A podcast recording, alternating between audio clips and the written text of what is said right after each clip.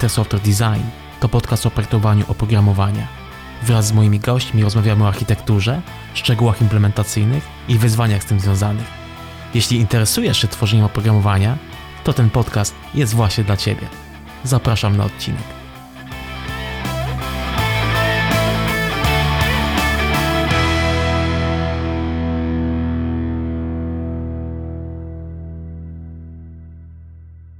Modeling Whirlpool, Behavior Driven Development, User Story Mapping, Impact Mapping, czy też oczywiście wielokrotnie wspominany już w poprzednich odcinkach podcastu Event Storming, to techniki, dzięki którym możemy rozpocząć proces rozpoznawania złożonych problemów. Każda z tutaj z przytoczonych technik jest zupełnie inna. Pozwala osiągnąć troszeczkę inny rezultat, z inną głębokością analizuje problem i też wykorzystuje odmienny sposób prowadzenia rozmowy, bo też jest dopasowana do prowadzenia rozmowy z innymi osobami po prostu oferuje możliwość innego spojrzenia na analizowane zagadnienie.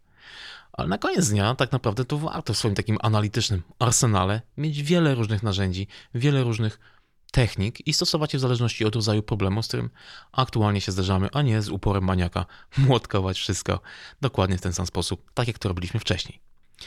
I czym są historyki domenowe? Jak je opowiadać? Z jaką granulacją o tym mówić i jak przekładać je na dalsze działania w projekcie?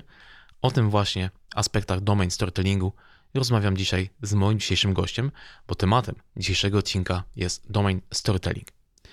A jeżeli stosujesz tę właśnie technikę w swoim projekcie i możesz, chcesz o tym opowiedzieć, skontaktuj się proszę ze mną. Chciałbym Ci coś zaproponować.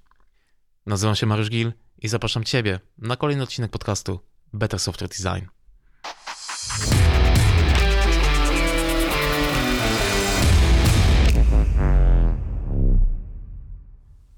A szukając innych technik, które na co dzień możemy wykorzystywać w pracy, szukając tak naprawdę zrozumienia mm, naszej domeny i próbując ją mm, analizować z naszymi ekspertami domenowymi, trafiłem na technikę, która się nazywa Domain Storytelling.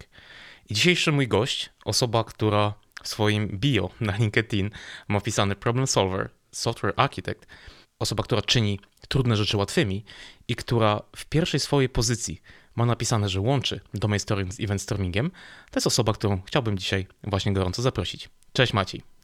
Cześć Mariusz. Maciej, jesteś pierwszy raz tutaj w podcaście. Dziękuję w ogóle, że znalazłeś czas. Troszeczkę nam zajęło umówienie się na tą, na tą rozmowę. Także y, z mojej strony już na samym początku gorące dziękuję, że przyjąłeś to zaproszenie. Powiem Ci, że y, my się poznaliśmy jakiś czas temu, zdaje się, na programie Stoku. Tak próbowałem przed naszym spotkaniem przypomnieć sobie i chyba mam nadzieję, że to potwierdzisz, że to był programistok. Tak, tak, to był programistok. Tylko nie pamiętam roku, albo 2018, albo 2019. Tak, jeszcze przed pandemią pamiętam różne rzeczy z tego programistaka, co się tam działy. Jakby całą tą otoczkę wojskową, która gdzieś tam przed, przed tym audytorium, w którym odbywała się konferencja, się tam, się tam działa. Natomiast dobra, umówmy się, nie o programistoku będziemy tutaj rozmawiać. Ale tak wspomniałem, jesteś pierwszy raz w podcaście. Czy mógłbyś się w kilku zdaniach przedstawić? Czym się zajmujesz? Jaka w ogóle jest twoja historia? Dlaczego się w ogóle zacząłeś interesować programowaniem i takimi rzeczami właśnie jak domain driven design, domain storytelling i event storming? Okej, okay, to może od początku, jak zaczęła się w ogóle przygoda z programowaniem. Nie jestem gościem, który zaczął programować w wieku 10 lat, to na pewno. Natomiast zafascynowało mnie programowanie w C w momencie, jak byłem w liceum. Miałem bardzo fajnego nauczyciela, który zresztą później zaczął też pracować jako programista, tylko e, systemów sapowych, i on jakby zaraził nas, a właściwie mnie, tą pasją do C. I tak to kontynuowałem później przez parę lat. Najpierw na studiach, wiadomo, różnego rodzaju projekty. Też wszystko starałem się pisać w C. Mm, też bardzo fajnie, że na studiach mogłem pisać w C. Akurat wtedy to był taki czas, kiedy bardzo mi się to podobało. Do momentu, w którym otworzyłem książkę taką żółto-czarną Andrew Trollsena, programowanie w C Sharp i nagle zobaczyłem, że życie może być zdecydowanie łatwiejsze. I od tego momentu tak naprawdę zaczęła się kariera programistyczna. Mm, było to 11 lat temu. I tak na dobrą sprawę od tych 11 lat jestem związany z .NETem, a oprócz tego fascynuję się Angularem od wielu, wielu lat. Od pierwszej wersji, która potem się totalnie zmieniła. A i tak krok po kroku zaczęła gdzieś pojawiać się architektura oprogramowania. I dzięki tej architekturze oprogramowania zauważyłem, że można robić coś więcej niż tylko klepać kod na klawiaturze. Był to taki łącznik z biznesem i wiadomo, na samym początku człowiek myśli o tych takich technikaliach, jak coś rozwiązać, nie zastanawia się, dlaczego to w ogóle jest tak zamodelowane w procesie biznesowym, wiadomo. Też trzeba pamiętać o tym, że było to powiedzmy 8-7 lat temu, kiedy taka analiza e, wymagań biznesowych raczej nie istniała, więc tak to wygląda, że w pewnym momencie zacząłem interesować się też tym tematem domain driven design, no i jakoś poszło. Jakoś poszło. Mm, uchylisz szomka, gdzie pracujesz na co dzień? Jasne. Generalnie mieszkam w Szwajcarii i pracuję dla Lajki. Możesz kojarzyć z aparatów fotograficznych. Kiedyś Lajka produkowała aparaty fotograficzne. Natomiast ja pracuję jakby dla firmy związanej z urządzeniami z pomagającymi pomierzyć na przykład jakiś obszar, a czy zbadać, jak wygląda budynek, zbadać go od środka, zamodelować potem w różnych modelach trójwymiarowych i tak dalej, i tak. Generalnie na co dzień zajmuję się tym światem połączenia wszystkich elementów, czyli IoT. No właśnie osoby, które tutaj, y, tak jak mam nadzieję ja, znają firmę Leica jakby właśnie z aparatów fotograficznych.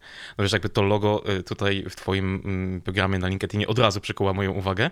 Mówię, o kurczę, tutaj pewnie coś ciekawego o soczewkach opowiesz, ale tak patrzę, pod spodem jest Leica Geosystems. I właśnie tutaj dopowiedziałeś y, kontekst, kontekst. Dokładnie. Dokładnie. E, słuchaj, ale tak właśnie chciałem dzisiaj z tobą porozmawiać na temat techniki, którą właśnie tutaj wymieniasz w, jakby w pierwszym zdaniu tutaj tej swojej najnowszej pozycji, czyli Senior Software Engineera w Leica Go Systems, e, gdzie łączysz domain storytelling i event storming. Wiesz, jakby ja w momencie, kiedy trafiłem na, na Alberto Brandoliniego lata temu, bardzo mocno zapałem bakcyla, mm, jakby techniki, którą on gdzieś tam zapoczątkował i, i, i promował. Zresztą myślę, że to gdzieś tam widać w, w internecie, jak mocno mnie ten świat event stormingu wchłonął, ale staram się nie zamykać mm, jakby też na inne sposoby rozmawiania o domenie, rozmawiania, analizowania tej domeny, tak żeby mm, czasami, no po prostu też wiesz, mieć jakby w swoim wachlarzu i arsenale, powiedzmy takiego analityka, model, modelarza, inne narzędzia. Tutaj rozmawialiśmy wcześniej właśnie o event stormingu troszeczkę w, w podcaście. E, myślę w ogóle, że ten temat e, jeszcze w ogóle nie został tak na dobre tutaj event stormingu zarysowany, więc jakby to jeszcze wszystko przed nami. Ale pojawi się na przykład Michał Pewnie. Michaluk, który opowiadał o, o behavior driven development. No i dzisiaj chciałem porozmawiać tak naprawdę o domain storytellingu, bo nie jest to technika, popraw mnie, przynajmniej y, jakby ja mam taką percepcję, która stoi y, zasadniczo na każdym rogu. Dzisiaj jak pójdziesz na jakąś konferencję taką właśnie o, o software mm, designie, o projektowaniu, o programowaniu, to te tematy związane właśnie z, z DDD, mm, z event stormingiem są dosyć popularne. O domain storytellingu, szczerze mówiąc, nie wiem, czy słyszałem jakąś y, prezentację u nas w kraju. Może tak być. Generalnie wcześniej korzystałem z techniki event stormingu, tylko napotykałem na pewne problemy zgłaszane ze strony biznesowej. I chodziło tutaj głównie o to, że fajnie, że mamy karteczki, ale mimo wszystko nie jesteśmy sobie w stanie wyobrazić tego w świecie realnym. Czyli te karteczki o różnych kolorach, tak na przykład jak pomarańczowa dla eventów domenowych, to było coś takiego bardzo ciężkiego do zrozumienia przez biznes. I tutaj można się zastanowić, bo Generalnie to jest bardzo prosta rzecz. Jesteś w stanie tak na dobrą sprawę w ciągu 5 minut wytłumaczyć ludziom niezwiązanych z event stormingiem, jak mają przyklejać te kartki, na, zwłaszcza na Big Picture oczywiście, i jakoś to idzie. Ale po, zaczęły pojawiać się właśnie głosy, że niestety ciężko jest sobie to potem przełożyć, jak, jak mamy kilka procesów na naszej tablicy i one są po prostu w jakimś tam timeline ustawione, ciężko to potem wszystko złapać. I skłoniło mnie to do poszukania jakiejś alternatywy. Zupełnie przypadkiem trafiłem właśnie na domain storytelling i może zanim będę kontynuował o domain storytellingu, to powiem czym on jest. Tak samo jak ten event storming. A to jest technika służąca do analizy procesów biznesowych. I tutaj warto pójść krok do tyłu i zastanowić się, co jest przed analizą wymagań biznesowych. Przed analizą jest zbieranie wymagań.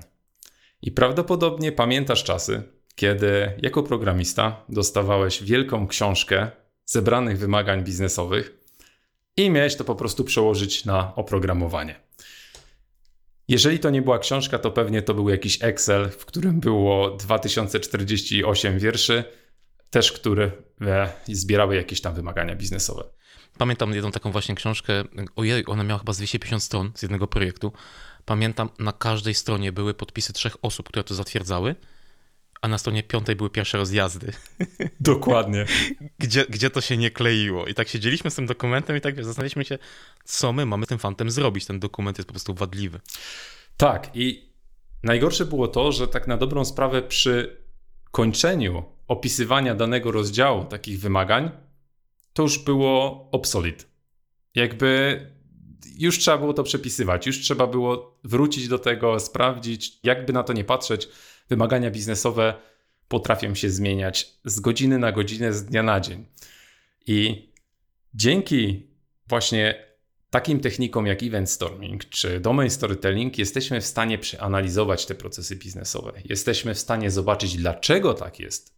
Być może nawet zobaczymy, że jakiś proces jest niepełny, albo biznes zauważy, że taki proces nie ma sensu, że coś jest nie tak od strony biznesowej, nie tylko od strony programowania. Więc ta technika bardzo umożliwia nam takie połączenie się z biznesem i działanie jako jeden podmiot, tak na dobrą sprawę, a nie jako osobni programiści versus biznes. To jest coś takiego, co domain storytelling i event storming nam umożliwiają. Okej, okay, czyli w, w dużym skrócie, jak miałbym to podsumować, narzędzie do zbierania tej wiedzy domenowej. Tak, zdecydowanie tak. I analizowania domeny. Mhm. To w takim razie, jaka jest zasada działania tej techniki? Bo w event stormingu, tutaj jakby wiesz, wielokrotnie tutaj przez nas przytoczonym już, mm, zasada jest prosta. Zaczynamy od eventów i zobaczymy, gdzie pójdziemy dalej. Tak, tak. A w domain storytellingu? Wiesz, myślę, że takie jakby odwoływanie się też, e, porównywanie właśnie domain storytellingu do event stormingu to też może być e, jakby strasznie ciekawą jakby tutaj opcją, żeby też umieć na koniec naszej rozmowy, żeby każdy ze słuchaczy umiał też zobaczyć, czym te techniki się różnią, gdzie są podobne i czy one są powiedzmy uzupełniające, czy całkowicie jakby niezależne i mogę, wiesz, albo z tego, albo z tego korzystać. Tak. Generalnie jak najbardziej przejdę do tego porównania, natomiast zanim jeszcze zagłębię się w to porównanie pomiędzy event stormingiem a domain storytellingiem, chciałem tutaj wspomnieć o jednej rzeczy. Przez lata starałem się znaleźć jakieś narzędzie, które mi pomoże e, w takiej analizie procesów biznesowych. No i zazwyczaj wykorzystywałem do tego na początku UML-a, tylko problem z UML-em był taki, że trzeba było znać notację UML-ową. I biznes niekoniecznie był chętny do poznania tego, bo UML tak na dobrą sprawę wcale nie jest łatwy. Potem zacząłem korzystać z BPMN. Nie wiem, czy miałeś kiedyś te, e, z tym do czynienia. Miałem. To już też nie jest nie łatwe. jest łatwe, ale to już troszeczkę jest prostsze niż UML, więc jesteś w stanie za pomocą jakichś tam ikonek e, pokazać, co tam się tak na dobrą sprawę dzieje. No ale tak jak mówisz, to też było trochę za skomplikowane. Pojawił się event storming. Problem z event stormingiem polegał na tym, że sam nadużywałem go dosyć mocno. To znaczy, Często było tak, że wychodziliśmy z jakiegoś procesu biznesowego na big picture, ale mieszałem to troszeczkę z process level mm, event stormingiem e, na różnego rodzaju warsztatach, bo to było takie naturalne przejście.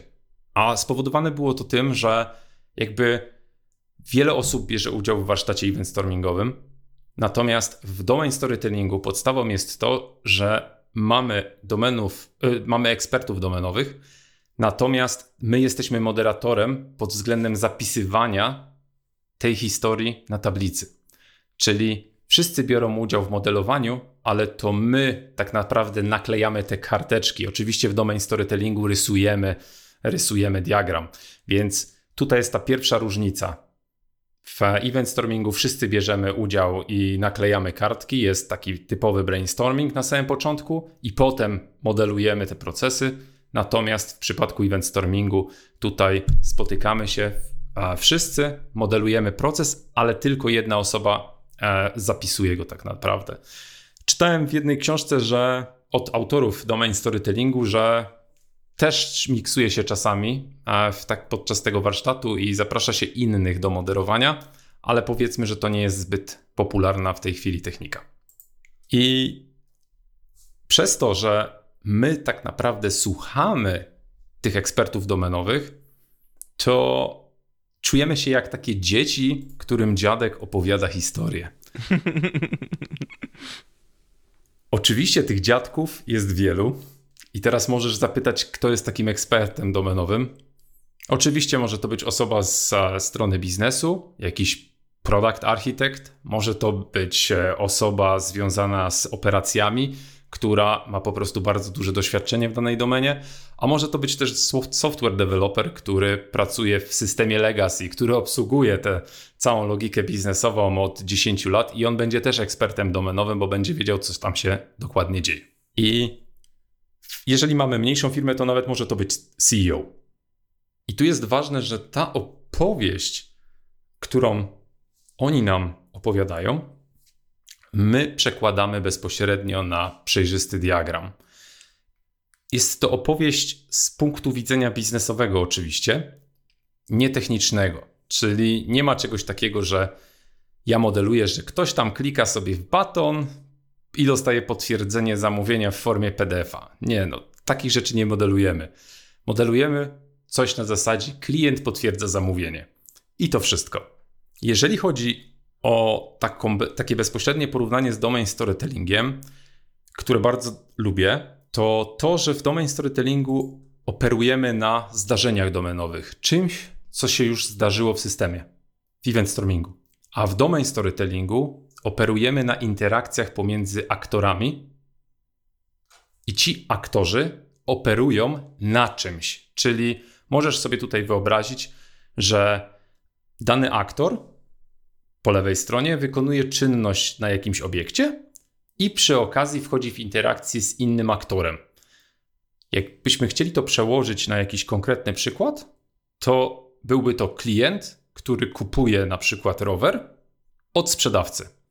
I to modelujemy na diagramie domain storytellingowym. No właśnie chciałem cię zapytać mm, o to, jak ten ekspert domenowy tutaj, ten nasz dziadek, mm, będzie się tutaj wypowiadał, opowiadał nam tą, tą jakby czym on się zajmuje, jak wygląda ten proces biznesowy, to jakie rzeczy muszę wychwytywać z jego wypowiedzi, żeby notować na tej naszej tablicy.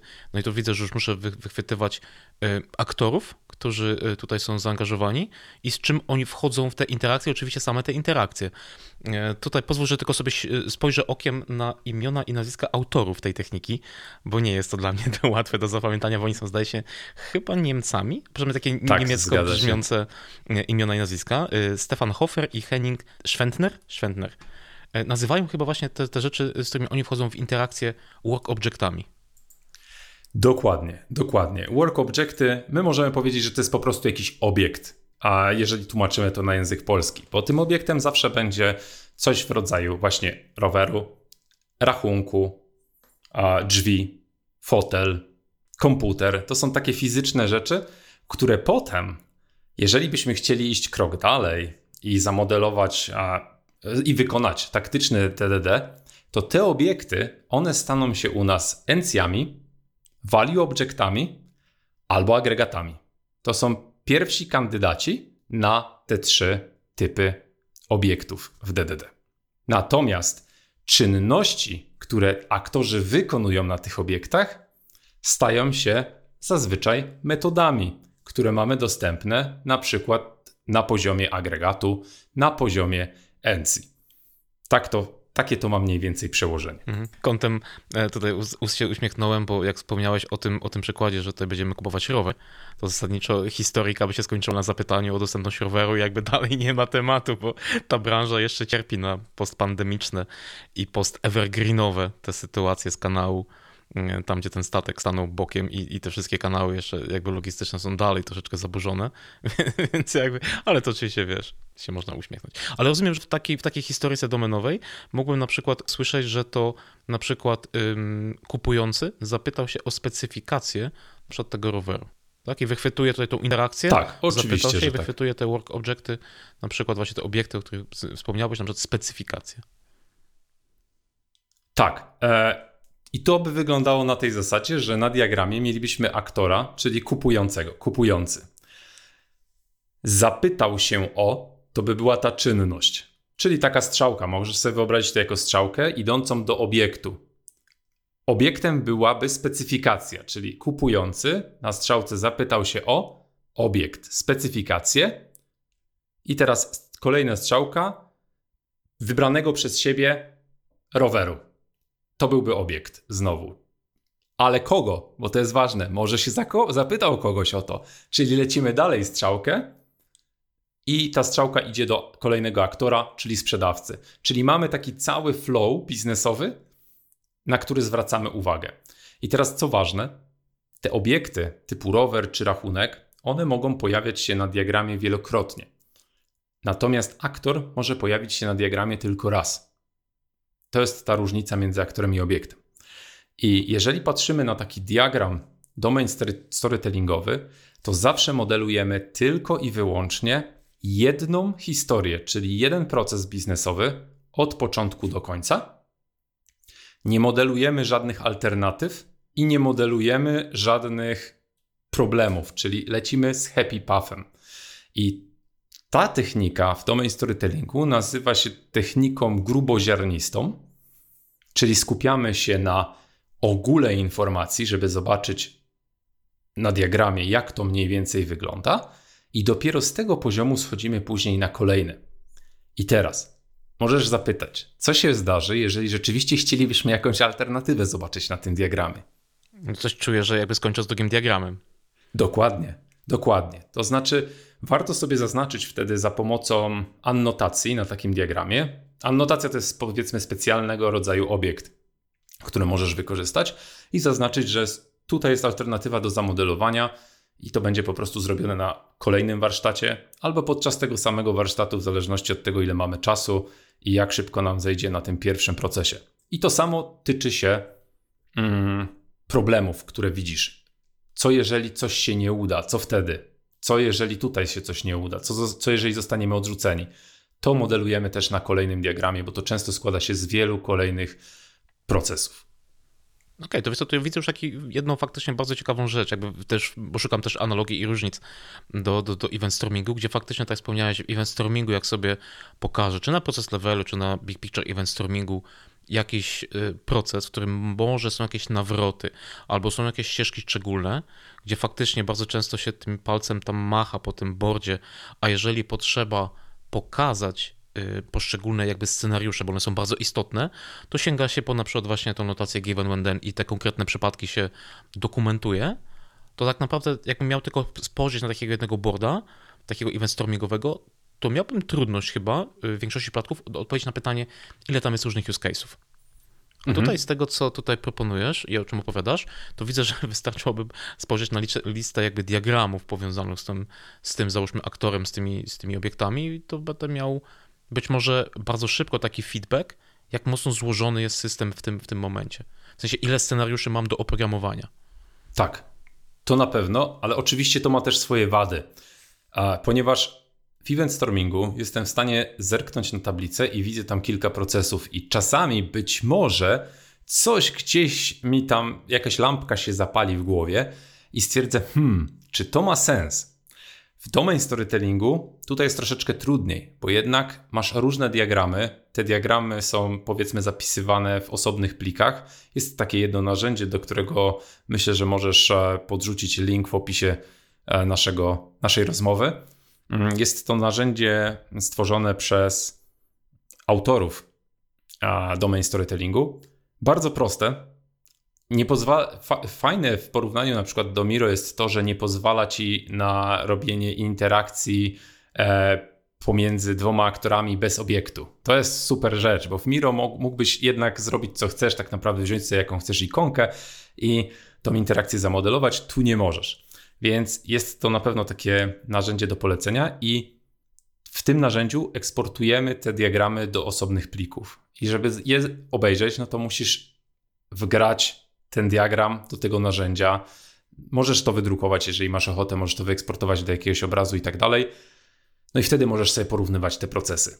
Ale jednak wydaje mi się, że jeżeli chodzi o event storming, to tutaj przewaga byłaby w takich sytuacjach, gdzie nie znamy do końca tych procesów, nie wiemy, jak one powinny funkcjonować, mamy wiele dziur w tej chwili, w, jeżeli myślimy o tym modelowaniu, to zdecydowanie lepiej, wydaje mi się, że zdecydowanie lepiej sprawdziłby się event storming.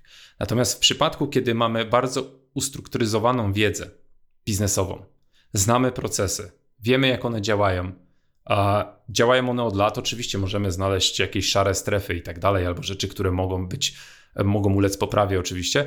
Natomiast w takim przypadku ustrukturyzowanej wiedzy myślę, że lepszym narzędziem byłby domain storytelling. Domyślam się, że tym narzędziem, do którym teraz jakby tutaj wspominasz, to jest Egon. Tak, okay. zgadza się. Będzie w linkach mm, oczywiście standardowo mm, pod tym odcinkiem. Jeżeli ktoś by chciał, to zachęcam do zapoznania się.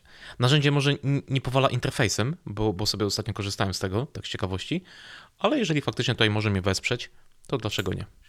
Tak. I też myślę, że warto wspomnieć w momencie, kiedy jesteśmy tutaj jeszcze na tym poziomie porównywania event stormingu do domain storytellingu, możemy wspomnieć o tym, że w event stormingu kolejnością są poszczególne eventy, które wydarzają się w systemie. Czyli możemy to czytać jak od lewej do prawej, mamy jakąś oś czasu i idziemy z poszczególnymi procesami i je sobie czytamy. Natomiast w domain storytellingu mamy tutaj do czynienia z oznaczaniem poszczególnych interakcji pomiędzy aktorami, pomiędzy aktorem a obiektem za pomocą cyferek na diagramie. Czyli możesz sobie wyobrazić, że to jest taka książka, która ma rozdziały. Rozdział pierwszy, drugi, trzeci, czwarty. Oczywiście mówimy o beletrystyce. I jeżeli przeskoczysz z rozdziału do piątego, z, z rozdziału pierwszego do rozdziału piątego, no to wtedy nie będziesz wiedział, co się wydarzyło w drugim, trzecim i czwartym. Czyli jest ta taka luka e, w wiedzy i musisz ją uzupełnić. Więc na tym diagramie mamy poszczególne numery, które odpowiadają po kolei akcjom i czytamy po prostu po numerach. I to może być właśnie kupujący, który przychodzi do sklepu rowerowego i pyta sprzedawcy o rower. I to jest numer jeden, pierwszy rozdział. Następnie sprzedający przeszukuje katalog w poszukiwaniu tego roweru, żeby zobaczyć, czy on jest na stanie w magazynie. I to jest numer dwa. Jeżeli ten rower jest, bo tutaj modelujemy Happy Puffa, to musi wykonać telefon do magazynu i powiedzieć panu Wieśkowi: Panie Wieśku, przynieś pan rower, bo mam klienta. No i to jest już numer 3. Pan Wiesiek przynosi rower. To jest czwarty rozdział naszej książki. Sprzedający pokazuje, opowiada o tym rowerze kupującemu. Piąty rozdział książki i tak dalej, i tak dalej. Czyli każdy taki skończony e, proces właściwie podproces w tym, co modelujemy, to jest osobny numer. I zaczynamy od 1, kończymy na ile chcemy. Natomiast dobrze jest skończyć na powiedzmy maksymalnie kilkudziesięciu takich rozdziałach. I to wszystko będzie pokazane na diagramie, y, tutaj jeżeli jeszcze wszystko dobrze rozumiem. I to rozumiem wtedy tak naprawdę, że ta liniowość, która jest tutaj jakby podstawą event stormingu, w sensie liniowość czasu, to absolutnie mnie tutaj jakby nie muszę tego wizualizować, bo tak naprawdę tą kolejność wyznaczają te numery rozdziałów, e, które być może będę wskazywał na tych strzałkach opisujących aktywności, żeby zobaczyć, co jest po czym. Wtedy wystarczy tak naprawdę tylko, żeby to było w post- no, tak naprawdę wydaje mi się, że skończę z jakimś takim grafem, który będzie pokazywał interakcje pomiędzy wszystkimi tymi elementami, które biorą udział w tej konkretnej historyjce. Dokładnie, dokładnie. Natomiast problem mógłby pojawić się w momencie, a czego w event stormingu by nie było, E, mógłby się pojawić problem, gdyby pojawił się jakiś alternatywny proces, który gdzieś przy okazji od, tak jakby odpala się na, czyli jesteśmy w momencie na przykład w środku jednego procesu i dalej kończymy ten proces, on jest niezależny, ale pod spodem uruchamia się kolejny proces. Na event stormingu możesz sobie to zamodelować właśnie na osi czasu, że mamy tutaj jeden proces i on sobie tam kontynuuje, ale tu się pojawia nagle drugi proces i widzisz to na jednym diagramie. W domain storytellingu nie zobaczysz na jednym diagramie, możesz co najwyżej zapisać annotację i powiedzieć, tutaj w tym momencie rozpoczyna się jeszcze inny proces, niezależny od tego procesu, który my modelujemy. To wiesz co, tak by widzę jakby na czym zabawa polega. Wybaczę takie określenie, jak nie padło, ale mm, notuję w postaci tych diagramów, na których pokazujemy sobie interakcje aktorów z naszymi, z naszymi obiektami, zapamiętujemy każdą interakcję w postaci tutaj jakby tych, tych kolejnych, kolejnych strzałek. I pytanie, w którym momencie jakby mogę uznać, że całą wiedzę pozbierałem? Kiedy przeanalizowaliśmy wszystkie takie kluczowe historyki domenowe, czy tak naprawdę musimy się zagłębić w każdą alternatywę i tą alternatywę pokazać na osobnym diagramie? No bo w końcu, tak jak wspomniałeś, nie mam tutaj możliwości ifowania, elsowania, switchowania. I najlepsza odpowiedź to zależy. No właśnie tak się domyślałem, że to odpowiesz. Ale wiem, że jakby zawsze chcemy wiedzieć, co rzeczywiście tu zrobić, no bo to zależy, to jest takie uciekanie od odpowiedzialności, prawda? Natomiast. Od czego zależy, teraz powiedz. Dokładnie, od czego to zależy. Domain Storytelling daje nam tak naprawdę 8 poziomów skupienia się na szczegółach. I teraz najwyższe poziomy to poziomy gruboziarniste. Bo domain storytelling dzielimy na poziom gruboziarnisty i drobnoziarnisty coarse and fine grained. I teraz najlepiej w momencie, kiedy analizujemy jakąś domenę i powiedzmy w tej domenie już istnieją jakieś procesy cyfryzacji, jakieś systemy legacy i tak dalej, w ogóle zapomnieć o tych procesach, zapomnieć o tych systemach i zacząć od gruboziarnistego domain storytellingu, takiego jakim w tej chwili biznes jest, czysty. Czyli e, czysty znaczy nie, nie, nie zdigitalizowany. O, może tak. Czyli całą technologię, Bo... że jest tylko możliwe na bok. Dokładnie. Wszystko odkładamy na bok i skupiamy się na, proces na czystych procesach, bo tutaj najczęściej zobaczymy, że kurczę, coś jest nie tak, albo że mamy jakąś szarą strefę, o której biznes wcześniej nie wiedział. No bo to też w systemach legacy często jest tak, że ktoś coś tam jeszcze dodatkowo klika i ten system działa, bo znamy jakieś workaroundy wokół tego, co tam jest zrobione i to jakoś tam powiedzmy działa. Natomiast tu, jeżeli zaczniemy od tego gruboziarnistego domain storytellingu i skupimy się rzeczywiście na czystych procesach biznesowych, to tak na dobrą sprawę wystarcza nam parę historii domenowych. Czyli zaczynamy od tych najważniejszych, przechodzimy w te trochę powiedzmy takie wspierające dany proces i będziemy mieli z tego kilka diagramów. Może to być pięć diagramów, może to być siedem, dziewięć tych takich gruboziarnistych. I teraz co zrobić dalej? Można dalej brnąć w te gruboziarniste kolejne podprocesy i skończyć na 35, ale to już nie ma za bardzo sensu, bo te główne procesy mamy zamodelowane. I warto przejść w tym momencie do tego, jak ten proces biznesowy wygląda od poziomu drobnoziarnistego. I tutaj może dam Ci taki przykład. Wyobraź sobie, że idziesz do kina, kupujesz bilet, dostajesz bilet, e, idziesz do sali kinowej, odbiera od ciebie e, bileter. Ten bilet, wchodzisz do sali kinowej i oglądasz film. I to jest ten gruboziarnisty domain storytelling. No ale teraz, może przechodząc na ten drobnoziarnisty, ty podchodzisz do okienka i mówisz, że chciałbyś kupić bilet. No i teraz gość, który ci go sprzedaje, musi najpierw sprawdzić, czy w ogóle są dostępne miejsca na ten seans. I on może to mieć zapisane na przykład w zeszycie dzisiaj. Nie ma żadnego systemu. I w tym zeszycie sprawdza, że bilety zostały wyprzedane. I ty dostajesz informację, że te bilety zostały wyprzedane. Osobny proces. Jeżeli dostaniesz informację, że ma ten bilet, to on cię zapyta o miejsce. No i teraz masz wybór miejsca, więc wybierasz miejsce. Jak wybierzesz miejsce, to możesz jeszcze na przykład e, dać jakiś voucher dzięki któremu będziesz miał zniżkę na ten bilet i tak dalej, i tak dalej. I tu już przechodzimy do tego fine grained, czyli drobnoziarnistego domain storytellingu i przeszliśmy do niego bardzo ładnie z tego gruboziarnistego. Ale dalej to jest czyste domenowo, e, czyste biznesowo, bez żadnych systemów, aplikacji czy czegokolwiek, po prostu jak to mniej więcej wygląda od strony biznesu.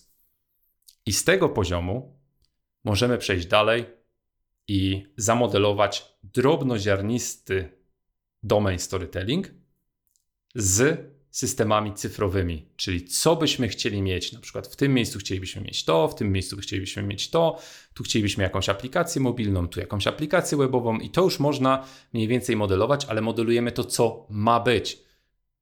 Czyli z poziomu problemu przechodzimy do poziomu solucji, tak na dobrą sprawę, już powoli. I to są takie trzy fazy domain storytellingu, które ja staram się stosować. Tych poziomów jest łącznie 8, bo możemy mieć mm, domain storytelling na poziomie coarse grained, tak jak dzisiaj jest czysty, tak jak dzisiaj jest e, z cyfryzacją. Możemy mieć taki, który ma być czysty, ma być z cyfryzacją i potem idziemy znowu z drobnoziarnistym w tym samym kierunku. Nie? Czyli to już trochę powiedzmy jest, zaczyna być skomplikowane, natomiast myślę, że każdy powinien wybrać to, co jemu będzie pasować, to, z czym będzie się czuł najlepiej.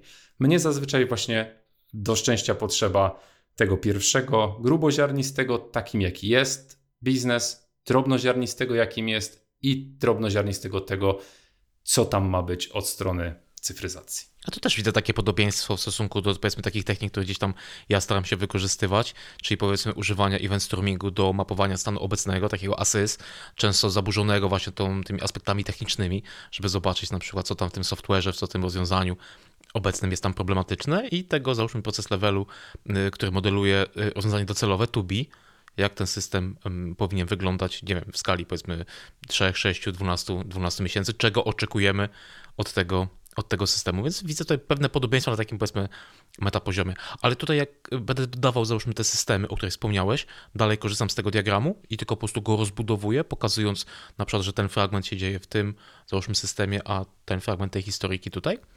Ja wolę przekopiować ten diagram.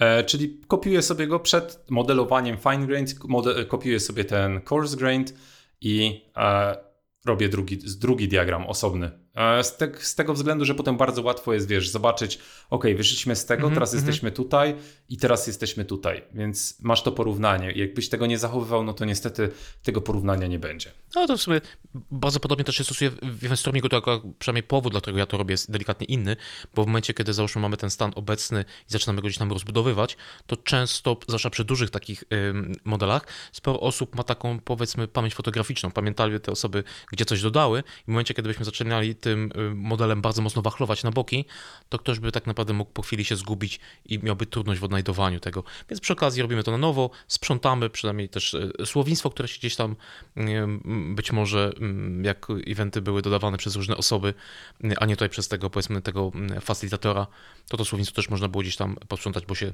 gdzieś tam rozjechało. Ale chodziło mi tak bardziej, Maciek, o tą formę takiego zapisu. Ale z tego co rozumiem, tak naprawdę dalej pracuję na diagramie, tylko że skopiowanym, żeby też umieć sobie powiedzmy zrobić tego tą różnicę, jak to się zmieniało. Dokładnie, bo ten diagram różni się tylko tyle, że jest bardziej szczegółowy, mhm. ale tak na dobrą sprawę korzystasz e, z tego samego konceptu, czyli dalej masz aktorów, dalej masz obiekty i dalej masz interakcje pomiędzy aktorami a obiektami. Więc tutaj e, to się niczym nie różni, tak na dobrą sprawę. Tu warto jeszcze wspomnieć o jednej rzeczy, że generalnie modelowanie biznesów, gdzie nie było jeszcze cyfryzacji, czyli trafiamy do firmy, która chce dokonać cyfryzacji, bo właśnie dzisiaj e, pan Roman zapisuje w zeszycie jakieś rzeczy, e, jest dużo łatwiejsze niż modelowanie biznesów, gdzie jest legacy. To zdecydowanie jest łatwiejsze właśnie w systemach, gdzie trzeba tej cyfryzacji dokonać po raz pierwszy. No bo jednak w systemach legacy bardzo często musisz jeszcze rozplątać ten cały węzeł tej logiki, która tam jest e, pochowana tak na dobrą sprawę. Może się okazać, że 30% procesów biznesowych, które były wykonane, zamodelowane 10 lat wcześniej, już nie istnieje. Albo nawet więcej, i musisz to wyłapać podczas takiego domain storytellingu, podczas tych sesji. Dlatego dużo łatwiej jest e, planować e, tak i roz, rozrysowywać proces biznesowy, gdzie tej cyfryzacji nie ma. Mam w tym momencie takie dwa pytania, przynajmniej tak mi się cisną. Mam tutaj dwa problemy, jakieś ścieżki, które tutaj yy, chciałbym pociągnąć. Po pierwsze, co dalej, jak już mam takie diagramy zmapowane, bo wydaje mi się, że może to być taka powiedzmy graficzna reprezentacja tej całej wiedzy. Będę widział też jakie słowa tutaj się przewijają Więc pytanie jakby naturalne z takiej perspektywy mnie jako dewelopera, mnie architekta, to co ja mam właściwie dostarczyć temu klientowi, wiesz, jako działające rozwiązanie, bo chyba, chyba nie diagramy. A, a druga rzecz, czy tutaj nie ma takiego ryzyka, że skupiając się bardzo mocno na takich bardzo konkretnych słowach, nie wpadnę w taką pułapkę modelowania jeden do jednego, tego, o czym ci eksperci y, tutaj, wiesz, y, do mnie mówią.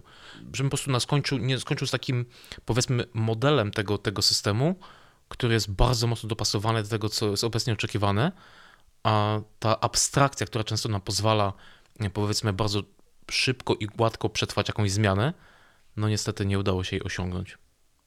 Zacznę od odpowiedzi na drugie pytanie. E, tak, masz rację, jest takie ryzyko, że zamodelujemy coś jeden do jednego.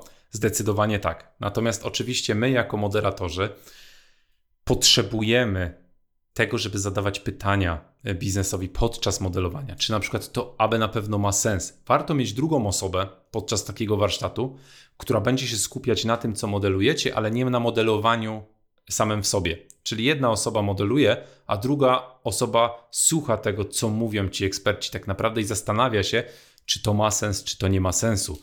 I jeżeli znajdziemy jakiś hotspot, to zawsze warto dla tego hotspota, jeżeli to jest coś bardzo ważnego, czyli tutaj mamy tą czerwoną karteczkę z event stormingu, warto zamodelować od razu drugi proces. Czyli jeżeli ktoś nas zapyta, no dobra, ale co w takim przypadku, jeżeli tutaj jest to, nagle lampka się zapali w głowach, to warto od razu siąść i zamodelować ten drugi proces. Zdecydowanie tak. Czasem w ogóle może być ciężko znaleźć ten happy path w momencie, kiedy oni nam będą opowiadać o danym procesie, ale jak będziemy wnioskować sami, musimy na bazie swojego doświadczenia wywnioskować, co jest tym happy pathem i poprowadzić ten warsztat w dobrym kierunku. Ale tak jak mówisz, jest takie ryzyko zamodelowania jeden do jednego tego, co mówią. Koniec warsztatu, robicie. Zdecydowanie tak. Ale po to są annotacje, które zaznaczamy nie? na takim diagramie. Bo te diagramy, one pokażą mi bardzo mocno ten, jak to się mówi, ten problem space, tak? I, i będę wiedział dokładnie, co jest oczekiwane od systemu, ale nie ten model, który pozwoli mi to rozwiązać. To dopiero rozumiem, że muszę jakoś wydedukować. Tak, i tutaj wracamy do pierwszego pytania, do odpowiedzi mm -hmm. na mhm. pierwsze pytanie. Co jako software developer tu myślę, że jeszcze jest, zostajemy troszeczkę na wyższym poziomie. Jakbym mógł e, to rozdzielić, to rozdzieliłbym to pomiędzy strategiczny domain-driven design, a taktyczny domain-driven design. Bo to, co mówisz, jesteśmy po stronie problem space. Mamy domenę. Pięknie ją sobie zamodelowaliśmy. No ale teraz trzeba byłoby znaleźć subdomeny na bazie takiego, na bazie takich diagramów, które mamy. I co jest fajne, to bardzo dobrze widać te subdomeny po stronie tych diagramów. Powiedzmy, są pewnego rodzaju wskazówki, które możemy wykorzystać do znalezienia takiej subdomeny. I jedną z takich wskazówek jest jednokierunkowy przepływ informacji, czyli ja jako jakiś aktor zrobiłem jakąś czynność i puściłem coś dalej. I to jest pierwszy element, pierwsza wskazówka dla nas, że tutaj może być już jakaś subdomena. Oczywiście niekoniecznie, ale powiedzmy, że to jest taka, takie coś bardzo praktycznego. Druga to jest to, że nie mamy odpowiedzi do tego aktora. Czyli jest, jest sobie jakiś aktor, mamy ten jednokierunkowy przepływ informacji i nigdy nie wraca żadna odpowiedź. Koniec. Ten aktor dostał od kogoś jakiś request, powiedzmy, wyszedł od niego response, odpowiedź i to jest koniec procesu. I to jest jedna z kolejnych wskazówek do tego, żeby zamknąć taki proces w jakąś subdomenę. Kolejnym jest to, w jaki sposób zmienia się język. Tutaj wchodzimy już na ubiquitous language, bo może się okazać, że kontrakt, który tutaj, w tym miejscu oznaczał jedną rzecz, będzie oznaczać zupełnie inną rzecz na naszym diagramie, gdzieś w kolejnych krokach, czyli powiedzmy do rozdziału piątego, czyli tych numerków raz, dwa, trzy, cztery, pięć, kontrakt oznaczał A, ale od numerku 6 do 10 kontrakt oznacza zupełnie już coś innego. To jest kolejny wskaźnik do tego, żeby sobie taką subdomenę znaleźć. I ostatni taki, ostatnia wskazówka, o której mogę pomyśleć, to w momencie, kiedy mamy aktora, który wykonuje wiele czynności. Czyli on coś tam dostaje, stempluje, wysyła, odbiera od kogoś innego, podpisuje, wysyła dalej. To jest taki kolejny scope tej subdomeny, którą możemy na takim diagramie znaleźć. I zazwyczaj wystarcza nam 5-6 diagramów, czasami nawet mniej, tych gruboziarnistych, żeby już mieć mniej więcej pojęcie o tym, jakie te subdomeny możemy tutaj mieć. No to powiem Ci teraz tak y, absolutnie szczerze, że tym, co powiedziałeś, troszkę zmieniłeś moje myślenie o domain storytellingu. I tutaj drugi wątek, który mam odpalony z tyłu głowy, kazał mi pomyśleć coś takiego, że w sumie faktycznie, patrząc na y, ten diagram, chociaż to jest oczywiście to zaburzone, że zawsze patrzę na jeden diagram, albo muszę mieć tutaj, wiesz, narzędzie, które pokaże mi tych diagramów kilka jednocześnie, mm, to że gdybym nawet zauważył taki wzorzec tych strzałek, że załóżmy od tego aktora wychodzi gdzieś y, strzałka, która pokazuje, że tam się uruchamiają jakieś inne procesy i do niego ta strzałka, wiesz, w sensie ta pętla do niego jakoś wraca, ta informacja zwrotna, ale po dopytaniu się takiej osoby, w sensie eksperta domenowego na takiej sesji, y, by się okazało tak naprawdę, że mnie absolutnie nie interesuje, jak oni to wykonują, mnie tylko interesuje, wiesz, co zlecam i jaki wynik dostaję, to widzę, że to są identyczne heurystyki, które się często stosuje na takich strategicznych sesjach domain driven design, tylko że bardzo mocno zwizualizowane. I, tak. i, I, wtedy będę to dokładnie widział, mogę to wiesz, namalować na, na tym diagramie, to jest kreska, bo widzę ten wzorzec graficzny. Tak, zdecydowanie tak. I właśnie to jest, myślę, ta pełna moc domain storytellingu, że wykorzystując różnego rodzaju ikony, my sobie wizualizujemy człowieka, wizualizujemy sobie książkę, wizualizujemy sobie rachunek. To nie jest coś abstrakcyjnego jak kartka papieru, tylko to jest rzeczywiście, oczywiście to dalej jest coś abstrakcyjnego, to jest ikona, ale ona przypomina nam rzeczy, które istnieją w świecie rzeczywistym.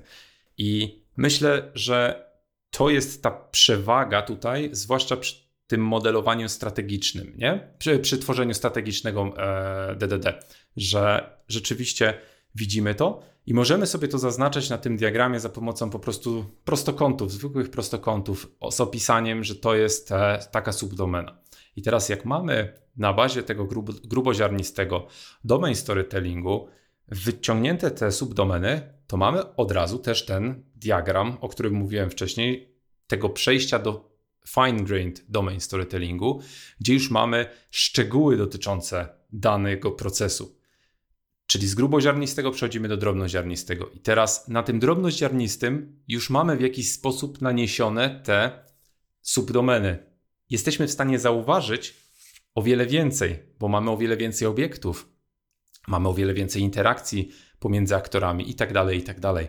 Więc tutaj powiedzmy to jest taki model walidacyjny tego naszego pierwszego wyznaczenia e, subdomen na modelu właśnie drobnoziarnistym. I teraz e, kolejna rzecz, o której chciałem wspomnieć tutaj, to wybranie na, tej, na bazie tego, co wiemy, na bazie tych wszystkich rozmów, warsztatów, przechodzimy później do wybrania, jakiego typu ta subdomena jest. Czy to jest główna subdomena, czy to jest e, wspierająca subdomena, czy to jest e, generyczna subdomena, bo jesteśmy w stanie zauważyć, często też dzięki domain storytellingowi, że a w tym przypadku na tym drobnoziarnistym diagramie ja widzę, że na przykład jakieś rozwiązanie do płatności mi tutaj się przyda i wiem, że na bazie tego procesu, który mam, rozwiązanie X będzie pasować, bo dopasowujemy, patrzymy, jakie ono ma możliwości i to jest nasza już powiedzmy e, taka subdomena generyczna, nie? Czyli możesz sobie to tak ładnie podzielić. I nawet na takiej sprzedaży właśnie roweru, gdzie klient przychodzi i prosi, i pyta o rower, potem ten rower jest przyniesiony, e, ogląda ten rower, zamawia, nie wiem, może na przykład na raty kupuje ten rower i tak dalej, i tak dalej, jesteśmy w stanie sobie zobaczyć, że mamy już kilka tak naprawdę poddomen typu jakieś właśnie płatności, jakieś dostawy, jakieś faktury, oferty, magazynowanie, zamówienia, nie? W ten sposób jesteśmy w stanie już to zobaczyć. Ale widzę tutaj, bo tak zawsze wiesz, staram się założyć ten kapelusz osoby, która tutaj szuka troszeczkę dziury w całym. I wydaje mi się, że tutaj naprawdę dużym wyzwaniem może być to, żeby y, próbować wnioskować to, o czym mówisz, y, z pojedynczego diagramu. W sensie widzę, że tutaj może to być wyzwaniem, żeby tych diagramów jakby jednocześnie ogarniać całkiem, całkiem sporo. I tak, tak wiesz, jakby każe mi się to zapytać, do jak dużych problemów to jest dobre narzędzie. Mhm. Bo jakby nie mam wątpliwości, że jeżeli problem biznesowy jest relatywnie mały, to tutaj faktycznie jakby mógłbym to jakby zdiagramować. Ale co by było, gdybym na przykład próbował y, w ten sposób przeanalizować domenę, załóżmy, mm, szpitala. Wiesz, wszystkiego, mhm. co się dzieje w szpitalu. To jest ogromny system, ogromne, ogromne ilości mm, jakby procesów. I pytanie, czy i oczywiście nie, twierdzę, że event storming to jakby zaaplikowany jeden do jednego też jest odpowiedzią, bo wydaje mi się, że on dopiero połączony na przykład z jakąś kontekst mapą, czy, czy z jakimiś innymi narzędziami może tutaj stanowić ym, odpowiedź na tak, mhm. duży, na tak duży problem biznesowy. Pytanie, jakby to było w domain storytellingu.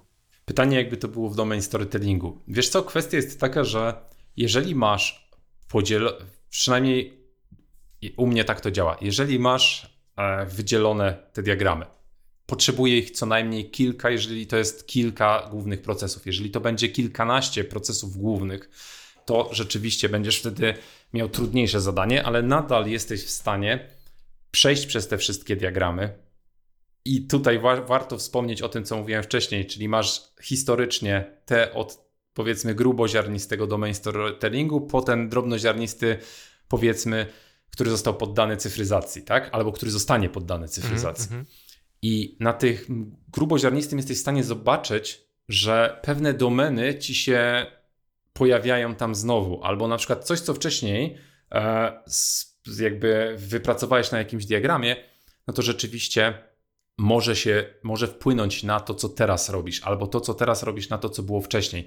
Więc tak czy siak musisz przejść przez te diagramy. No nie ma, nie ma innej możliwości. No musisz przejść przez te Trzeba diagramy. Warto so, dokładnie, warto mhm. sobie za, pozaznaczać różnego rodzaju rzeczy. No i potem, jeżeli byśmy dalej szli w strategiczne DDD, to w mojej opinii warto sobie to przemapować potem na zasadzie takiej, że jeżeli mamy wyciągnięte subdomeny, to mapujemy je po prostu jeden do jednego subdomena na bounded context, czyli problem space, solution space jeden do jednego na początek. Oczywiście jeżeli chodzi o rozwiązanie realne później, to jak to będzie wyglądało, no to to jest mrzonka, żeby to było jeden do jednego. To, to świat byłby piękniejszy, gdyby tak się dało. Natomiast jeżeli mamy już to przełożenie jeden do jednego, to możemy zacząć sobie myśleć o tym, w jaki sposób będziemy chcieli ułożyć naszą kontekst mapę pomiędzy e, tymi bounded kontekstami, nie? E, co będzie upstreamem, co będzie downstreamem, e, jakiego rodzaju tam będzie relacja, czy to będzie partnerstwo, czy to będzie customer supplier, czy to będzie jeszcze coś innego, osobne w ogóle drogi, jesteś w stanie już sobie to zobaczyć. Ale oczywiście to jest tylko wskazówka. To jest wskazówka i to będzie pracować w kolejnych e, iteracjach, w tym jak przejdziecie na ten fine-grained domain storytelling i tak dalej, i tak dalej, nie? Więc Tutaj do pewnego momentu to jest ok, i od pewnego momentu uważam, że już domain storytelling nie jest dobrym narzędziem, ale to jest przejście właśnie na w tym momencie na design level event storming. No właśnie tak szukałem tego miejsca, wiesz, w stosunku do event stormingu i zastanawiałem się właśnie, w, w którym miejscu ja bym postawił tą granicę i tak się zastanawiałem, czy to właśnie nie jest gdzieś pomiędzy e, powiedzmy tym big picture event stormingiem a, mm, a proces levelem, takim troszkę rozszerzonym, bo, bo ja wykonuję ten proces level delikatnie rozszerzony w stosunku do tego, co, co Alberto pokazał, bo tam korzystamy sobie na przykład z konceptu reguły, a żeby pewne te niezmienniki jakby umieć wychwycić szybciej, łatwiej e, i, i po prostu, żeby to było widoczne dla wszystkich. Tutaj rozumiem, że tak naprawdę te, te strzałki będą mi mówiły tak naprawdę no, o wykonywanej czynności. To jest jakaś aktywność, nie to będzie albo komenda, albo to będzie zapytanie. Więc jakby widzę też powiązania tutaj do, do tych elementów, które się pojawiają tak. w event stormingu.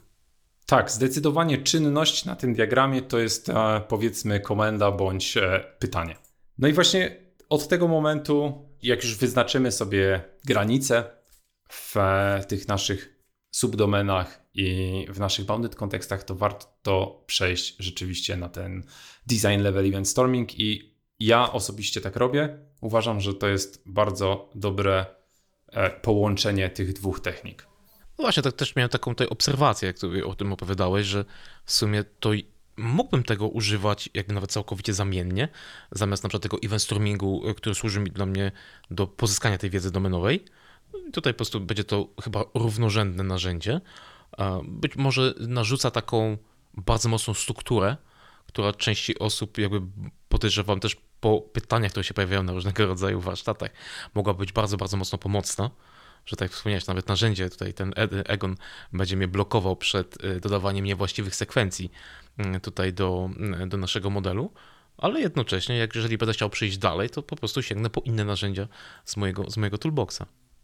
Tak, tak. I powiem Ci, że autorzy domain storytellingu, oni mówią, że jak najbardziej można łączyć rzeczy, też wskazują na pewnego rodzaju podobieństwa, różnice. E, nie tylko jeżeli chodzi o domain storytelling i event storming, ale również user story mapping e, i coś, co coś, o czym dowiedziałem się niedawno, czyli story storming. Story jest, storming. Jest technika, tak, jest technika, która staje, staje się coraz bardziej popularna. Jest to story storming i ona łączy w sobie tak naprawdę domain storytelling, event storming i user story mapping. A czy to nie jest to narzędzie, y, do którego teraz nawiązujesz y, autorstwa Martina Schimaka? To jest to? Wiesz co? Nie wiem, nie, nie pamiętam jak nazywał się autor, natomiast e, bardzo ciekawie to wygląda. Korzystasz z karteczek, ale na tych karteczkach są narysowane też różnego rodzaju rzeczy, więc e, no, myślę, że warto też podrzucić linka po naszej rozmowie do słuchaczy. Wiesz, ja tak kątem oka i, i tutaj sięgnąłem do laptopa I, i, sprawdziłem faktycznie mm, Story Storming, narzędzie y, autorstwa Martina Schimaka. Miałem okazję raz się z tym narzędziem spotkać. E, Martin został tutaj zaproszony na, mm, na wystąpienie, na taki workshop właśnie ze Story Stormingu na wrocławskiej grupie DDD. Miałem okazję wtedy, pamiętam, y, oprowadzać Martina po Wrocławiu i chwilę porozmawiać. A może kurczę, kiedyś Martina byśmy tutaj zaprosili do podcastu, żeby opowiedział. Powiem ci, wiesz to już jak mi nie, pierwszy raz, nie? Się tak jakby dzieje w podcaście, że w ramach jednej rozmowy pojawia się jakieś jedno hasło, które y, tutaj odpala po mojej stronie jakieś procesy i, i jakby kolejne odcinki gdzieś tam potem udaje mi się zrealizować. Także ja Dlatego sobie dopisuję rozmawiać. sobie, tak, warto rozmawiać. Dopisuję sobie do tej naszej, znaczy do mojej listy tutaj hasło Story Storming i osobę Martina Ślimaka. Ale Maciek, bo widzę, że masz praktyczne doświadczenie z zastosowaniem y, tej techniki. Y, nie ma narzędzi idealnych, nie ma silver bulletów. Gdzie są słabe mhm. strony domain storytellingu? Gdzie są słabe strony domain storytellingu? Jeżeli odpowiesz, że nie ma, to nie uwierzę. Oczywiście, że są. Pierwszą stroną, słabą stroną jest to, o czym wspomniałem, czyli według mnie to się nie nadaje do ta taktycznego DDD. Po prostu nie i koniec. Druga rzecz, zauważyłem, że E, w początkowej fazie fascynacji tym narzędziem e, niektórzy ludzie próbują zastąpić na przykład jakieś diagramy UML-owe właśnie za pomocą domain storytellingu. No nie tędy droga, to są dwie różne rzeczy tak na dobrą sprawę, nie? No bo jeżeli powiedzmy mamy jakiś tam diagram z klasami, no to nie będziemy korzystać, jakby domain storytelling po prostu nie pasuje do tego, żeby zastąpić takiego rodzaju narzędzie, nie? Więc to jest kolejny minus. Wada, którą zauważyłem, jest też taka, że jeżeli jestem sam, to bardzo ciężko jest mi się skupić na analizie tego, o czym do mnie mówi biznes. Zwłaszcza jeżeli to nie jest jedna osoba, czyli nie jest sesja jeden do jednego, bo tutaj też powinienem powiedzieć o tym, że warto mieć zawsze sesję, gdzie jest kilka osób opowiadających oni, te osoby zaczynają się czasami kłócić. To jest super, no bo nagle się okazuje, że wiesz, że trzy osoby myślały, że to jest tak, jedna, że tak i jeszcze jedna, że jest inaczej, nie? Więc to jest ekstra, żeby mieć przynajmniej parę osób. Pięć, bardzo fajnie, a jeżeli masz na takiej, na takiej sesji. Jeżeli ja modeluję coś na diagramie, to już nie jestem w stanie analizować tego, co do mnie mówią, czyli ja nie jestem w stanie znaleźć, wiesz, tych słabych stron, a może i zadawać pytań, a może słuchajcie, spójrzcie na to od tej strony albo od drugiej strony. Więc e, warto mieć zawsze tą drugą osobę. Nawet jeżeli ta druga osoba ma tylko właśnie wyklikiwać na tym diagramie te wszystkie ikonki, to niech to robi, a ty bądź właśnie taką osobą, która słucha i stara się prowadzić ten cały warsztat, nie? Żebyś już się nie skupiał na e, stronie technicznej. Więc to jest kolejna wada, o której mogę wspomnieć. Uważam też, że trochę za dużo jest rodzajów tych diagramów, bo tak jak Ci wcześniej wspomniałem, jest ich aż 8. Uważam, że niektóre po prostu nie są warte uwagi. Natomiast może być to spowodowane też moją osobą, że ja sobie wybieram, wybrałem jakieś trzy, a ktoś inny może wybrać jakieś kolejne trzy diagramy albo pięć albo wszystkie 8, albo 2, albo 1, wiesz, to daje też taką elastyczność w wyborze. Możesz stwierdzić, że chcesz iść w tym kierunku, możesz stwierdzić, że chcesz iść w tym kierunku, aczkolwiek wydaje mi się, że uciekamy wtedy od tego skupienia się właśnie na tej, na clue tego naszego problemu, czyli na procesie biznesowym, tym jaki on jest, tym jaki ma być na przykład. No też wydaje mi się, że to event, event storming. Jeszcze widzisz, jak mam głęboko zakorzenione to w głowie, ale wy, wydaje mi się tutaj, że domain storytelling też jest obarczony tym samym problemem, którym jakby jest przypadłością event stormingu, czyli tak naprawdę taki blind spot pod tytułem kogo ja na tę sesję zaproszę. Jeżeli ja pominę jakąś osobę, to być może faktycznie jakby pominę ten fragment tego diagramu, on jakiegoś, z jakiegoś powodu może się dla mnie okazać w jakimś tam stopniu kluczowy. No ale to być może jest przypadłość większości technik.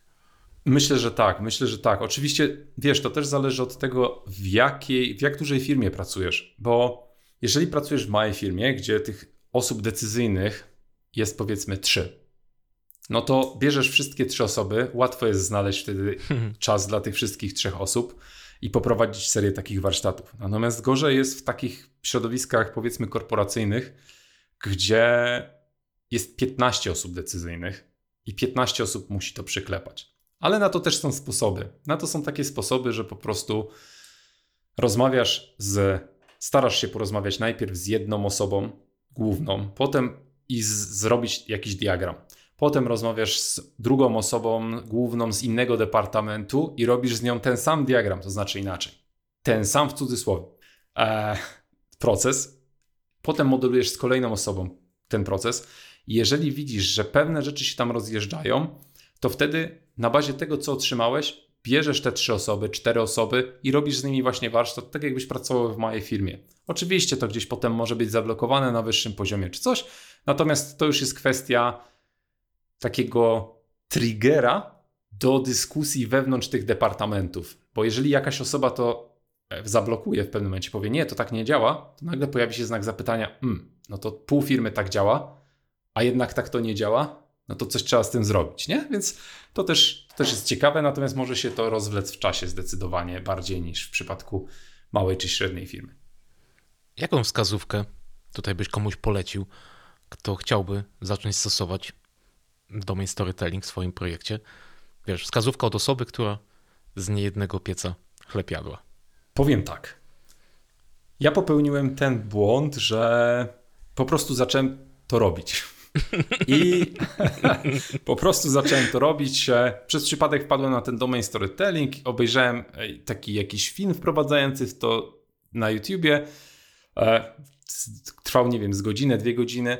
E, I potem zacząłem robić warsztaty. No ale im dalej w las, tym zacząłem zauważać pewnego rodzaju problemy. No i ale jak rozwiązać to, jak rozwiązać tamto. Sam musiałem dochodzić do pewnego rodzaju rozwiązań. Natomiast to, co polecam, to zdecydowanie rzeczywiście zacząć to robić, obejrzeć sobie ten film wprowadzający, to jest od autorów domain storytellingu, ale oprócz tego goście wydali super książkę, w której opisują wszystkie te rzeczy, na które ja musiałem znajdować odpowiedzi samemu. I to jest ten błąd, który popełniłem, więc podlinkujemy na pewno tę książkę, bo bardzo warto ją przeczytać.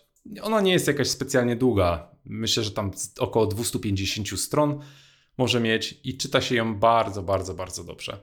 I oni tam e, opisują, autorzy opisują tam różnego rodzaju heurystyki, co oni polecają, jak zacząć, w które e, rzeczywiście poziomy tego domain storytellingu brać i prowadzić warsztaty.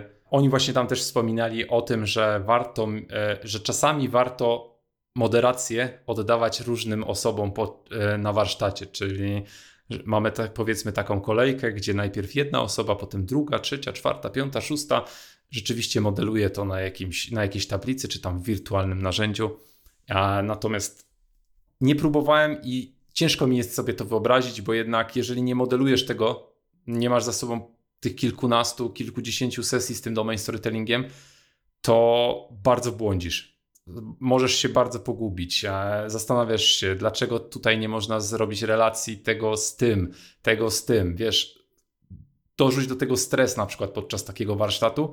No i okaże się, że z tego warsztatu wyszła totalna klapa, nie? Więc warto najpierw sobie zrobić jakiś trening, wymyśleć sobie cokolwiek, nie wiem, wymyśl sobie, że idziesz do restauracji i chcesz zamówić jedzenie i co tam się pod spodem ma dziać. Zamodeluj i a, po kilku takich diagramach łapiesz taką płynność, powiedzmy. A to ja się pod tym tylko, wiesz, mogę podpisać, bo rzecz, którą ja zawsze staram się przekazać na przykład pod koniec takiego szkolenia z event stormingu, to brzmi ten, na pewno teraz nie idź do projektu i nie rób tego w projekcie, nie? Właśnie zrób jeszcze to jakieś takie mm, na, na jakimś mniejszym problemie w kontrolowanych warunkach, że jeżeli wyjdą jakieś wątpliwości, pytania, a, a zawsze wychodzą, to jeszcze to jest to środowisko kontrolowane, gdzie nie ma tego faila, i, i, i na przykład nie dojdzie do, przykład do utraty zaufania pomiędzy załóżmy zespołem deweloperskim a zespołem biznesowym. Mm, ja bym jeszcze Dokładnie. Tutaj, mhm, ja bym jeszcze tutaj podlinkował y, w opisie odcinka do takiego y, wzorcowego rozwiązania, takiego modelu, chyba od autorstw, autorów właśnie domain storytellingu, czyli do Leasing Ninja y, mhm. IO E, tutaj do książki, którą mm, wspomniałeś, ja przyznam się, że y, stoi u mnie na półce, jest bardzo bliska początku kolejki do książek do przeczytania, bo jakiś czas temu ją mm, zamówiłem. Prezentację, o której tutaj tak między wierszami wspomniałeś, mm, autorstwa tutaj właśnie Stefana i aż muszę spojrzeć. Ja mam bardzo słabą e, pamięć do imion i nazwisk, także Stefana i Henninga. Okay. Podlinkuję, także jak ktoś będzie, i oczywiście domain e, storytelling.org, także jak ktoś by chciał po naszym tutaj, po naszej rozmowie i po twoim tutaj przedstawieniu e, tej techniki jakby pójść głębiej, to myślę, że będzie kilka takich sznurków do pociągnięcia. Zdecydowanie warto, tak. Maciek, dziękuję Ci bardzo za tutaj, za wizytę. Pierwszą, mam nadzieję, że nie ostatnią, bo widzę, że kilka rzeczy już chciałbym Cię jeszcze podpytać, ale troszeczkę czasu dzisiaj myślę na to nie mamy. Dzięki za zaproszenie. Bardzo się cieszę, że udało się dołączyć do Better Software Design. Bardzo lubię, słucham. Słuchałem wszystkich odcinków i jedyne co mogę powiedzieć to super robota. No to miód na moje serce. A Wam, drodzy słuchacze, pozostaje nam również podziękować za wspólnie spędzony czas. Do usłyszenia, trzymajcie się.